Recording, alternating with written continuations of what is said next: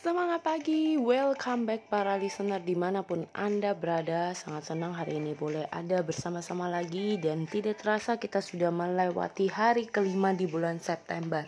Nah teman-teman pastinya tetap lakukan yang terbaik Tetap semangat dengan setiap pekerjaan profesi yang kita miliki.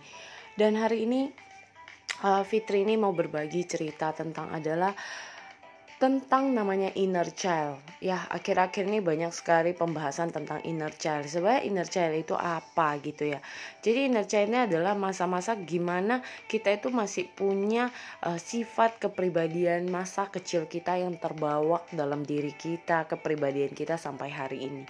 Nah, banyak orang kayak uh, jadinya pengaruhnya atau penyebabnya apa? Kita jadi sering banget kayak merasa diri kita kurang dan ada juga yang bisa merasakan kayak uh, gak percaya diri ya terus kayak merasa diri itu gak bisa, diri itu gak mampu, dan pastinya tidak percaya diri dan segala macamnya.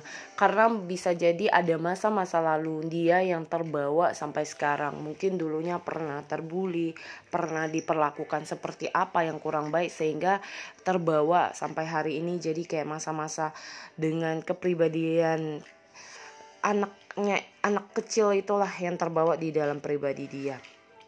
Nah hari ini uh, saya mau ber, berbagi bagaimana sih tentang inner child ini buat kita punya insight apalagi mungkin buat kita yang sebagai seorang anak muda atau kita sebagai uh, orang tua muda yang mungkin kita punya anak yang perlu kita lakukannya itu ya secara perlahan memang bisa dilakukan uh, untuk bisa apa ya istilahnya terapi secara pribadi untuk bisa melepaskan secara perlahan masa-masa seperti keadaan inner child ini. Nah, kita tidak juga bisa nyalakan nih kayak ini orang kenapa sih kayak uh, punya inner child seperti ini dan sebagainya. Dan saya yakin orang tersebut juga tidak berharap memiliki sifat seperti itu.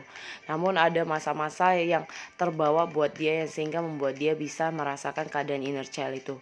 Makanya penting sekali kita sebagai orang tua atau kita orang dewasa kita juga perlu ya untuk bisa melihat keadaan bahwa janganlah kita jadi terbawa keadaan itu. Maksudnya gini ya uh, kalau kita sebagai orang tua ataupun kita sebagai orang dewasa janganlah membawa sampai kayak keadaan uh, tersebut. Jadi kita bawa dengan hal-hal yang tidak baik yang kita tanamkan atau kita perlihatkan kepada anak-anak kita yang akan terbawa buat mereka sehingga mereka jadi punya keadaan seperti itu.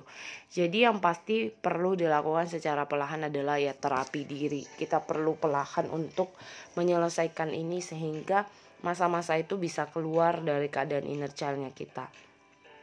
Dan nanti kita akan bahas lebih detail lagi uh, inner child itu apa aja dan terus uh, kita akan bahas lagi ya banyak tentang kepribadian, emosional segala macam untuk kita bisa punya insight yang lebih banyak lagi.